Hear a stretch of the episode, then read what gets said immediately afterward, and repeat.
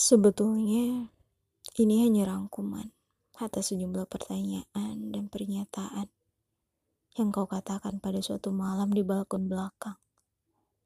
Satu bulan sebelum kau mati yang... Aduh. Sungguh malu aku menyebutnya puisi.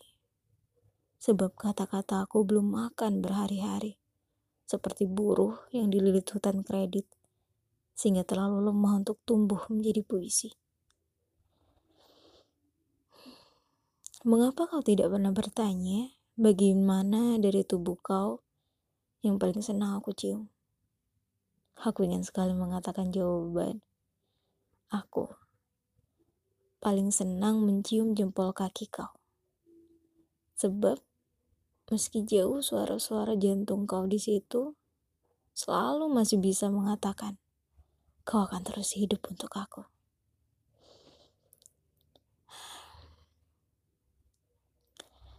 Jika aku mm, betul-betul hmm, menikah dengan lelaki yang tidak mampu membuat aku berhenti mencintai kau itu,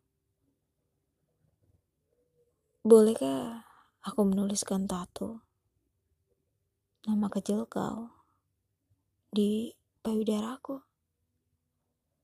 Agar pada malam pertama, lelaki itu menangis seperti anak-anak. Dan aku tidak akan ke mana-mana selain ke dalam malam-malam kau.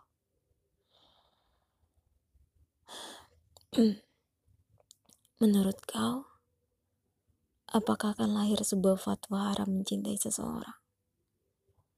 Jika aku dan kau dikuburkan, saling berpelukan